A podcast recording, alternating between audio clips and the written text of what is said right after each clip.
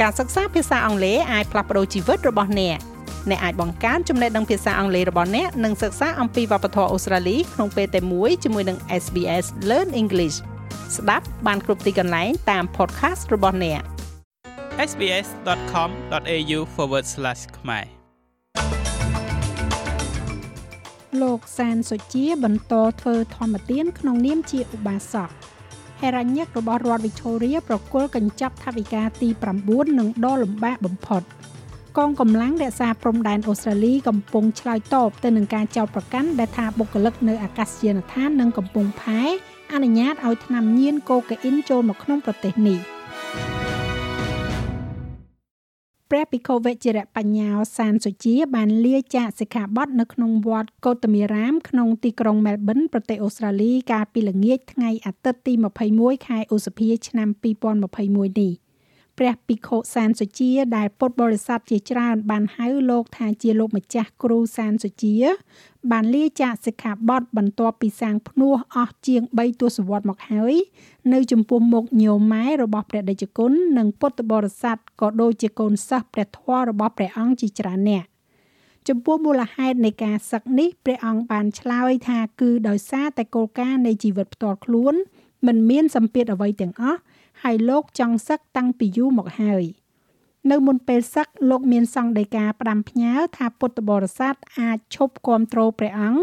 តែសូមកុំឈប់គ្រប់គ្រងព្រះធម៌ក្រោយពីលាចាកសិក្ខាបទរួចលោកសានសុជានៅបន្តស្នាក់នៅក្នុងវត្តនិងជួយជ្រោមជ្រែងវត្តនេះរហូតដល់គណៈកម្មការវត្តអាចធានាព្រះសង្ឃអង្គថ្មីឲ្យមកគង់នៅក្នុងវត្ត ចំពោះការធ្វើធម្មទានវិញលោកសានសុជានៅតែបន្តធ្វើក្នុងនាមជាឧបាសកជាក់ស្ដែងនៅក្នុងថ្ងៃអង្គារទី23ខែឧសភានេះលោកបានធ្វើធម្មទានរបស់លោកជាលើកដំបូងក្នុងនាមជាឧបាសកនៅក្នុងវត្តដែលលោកកំពុងតែស្នាក់នៅដោយមានការផ្សាយបន្តផ្ទាល់តាមបណ្ដាញសង្គម Facebook ផ្ទាល់ខ្លួនរបស់លោកផងដែរលោក Tim Palace ហេរ៉ាញិករបស់រដ្ឋ Victoria បានប្រគល់កញ្ចប់ថវិកាទី9និងដ៏លំបាកបំផុតរបស់លោក ដែលរៀបរាប់លម្អិតអំពីផែនការក្នុងការដោះស្រាយបញ្ហាបំណុលដែលកំពុងតែកើនឡើងរបស់រដ្ឋនេះកញ្ចប់ថវិកានេះមានផែនការសងត្រឡប់វិញចំនួន31,500លានដុល្លារដែលរួមបញ្ចូលការបង្កើនពន្ធសម្រាប់អាជីវកម្មធំធំម្ចាស់ផ្ទះជួល ម្ចាស់អចលនទ្រព្យពាណិជ្ជកម្មនិងឧស្សាហកម្មលបែងស៊ីសងនិងការកាត់បន្ថយសេវាកម្មសាធារណៈ ការព្យាករកញ្ចប់ថវិការដ្ឋ Victoria នឹងប្រកាសអតិរេក1000លានដុល្លារក្នុងរយៈពេល2ឆ្នាំដែល100លានដុល្លារច្រើនជាងការព្យាករមុនការបោះឆ្នោតរដ្ឋកាលពីខែវិច្ឆិកាលោកហេរ៉ាញឹក Tim Palace បានប្រាប់សភាថាហេរញ្ញវត្ថុរបស់រដ្ឋនេះនឹងត្រឡប់មកវិញនៅឆ្នាំ2030ទៅកាន់ចំណុចដែលត្រូវទៅបើគ្មានរោគរាតត្បាត។ កងកម្លាំងរក្សាព្រំដែនអូស្ត្រាលីកំពុងតែឆ្លើយតបទៅនឹងការចោទប្រកាន់ដែលថាបុគ្គលិកនៅអាកាសយានដ្ឋាននិងកំពង់ផែសមុទ្រអនុញ្ញាតឲ្យថ្នាំញៀនកូកាអ៊ីនចូលមកក្នុងប្រទេសនេះបន្ទាប់ពីការស៊ើបអង្កេតមួយរបស់កម្មវិធី Four Corners ស្នងការ ABF ឬក៏កងកម្លាំងព្រំដែនអូស្ត្រាលីលោក Michael Outram បានប្រាប់ការប៉ាន់ស្មានរបស់ព្រឹទ្ធសភាថាមានការកើនឡើងគួរឲ្យកត់សម្គាល់នៅក្នុងការរកឃើញនិងការរឹបអូសបានថ្នាំកូកាអ៊ីនដោយកងកម្លាំងរក្សាព្រំដែនលោកនិយាយថាពួកគេបានធ្វើការស៊ើបអង្កេតទៅលើការរត់ពន្ធគ្រឿងញៀនកំណត់អត្តសញ្ញាណក្រុមហ៊ុន និងបុគ្គលិកដែលបានលបចូលទៅក្នុងកងកម្លាំងរក្សាព្រំដែន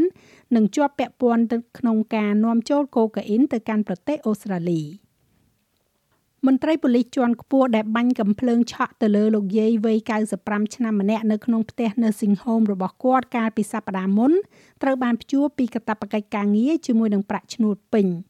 លោកយាយទួត Claire Nolan នៅតែស្ថិតក្នុងស្ថានភាពធ្ងន់ធ្ងរនៅក្នុងមន្ទីរពេទ្យបន្ទាប់ពីលោកយាយបានដួលពីលើស៊ុមដាវរបស់លោកយាយហើយបានប្រេះឆ្អឹងលលាក្បាល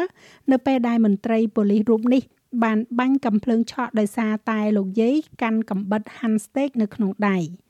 ពេលនេះលោកយាយកំពុងទទួលការថែទាំនៅនេតិចុងក្រោយក្នុងមន្ទីរពេទ្យខូម៉ាប៉ូលីសនិយាយថាការស៊ើបអង្កេតផ្ទៃក្នុងកំពុងដំណើរការនៅឡើយចំពោះឧបទ្ទហេតុដ៏ធ្ងន់ធ្ងរនេះចំណែកឯអត្រាប្តូរប្រាក់វិញ1ដុល្លារអូស្ត្រាលីមានតម្លៃប្រមាណជា66សេនកន្លះដុល្លារអាមេរិកត្រូវនឹង2730រៀលប្រាក់រៀលខ្មែរ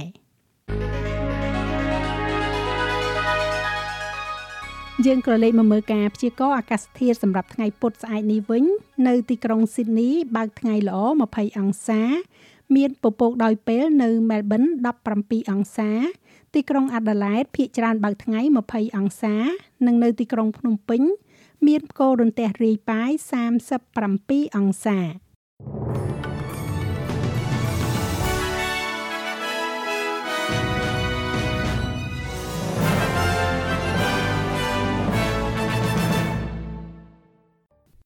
ចូលចិត្តអ្វីដែលអ្នកស្ដាប់នេះទេ Subscribe SBS ខ្មែរនៅលើ Podcast Player ដែលលោកអ្នកចូលចិត្ត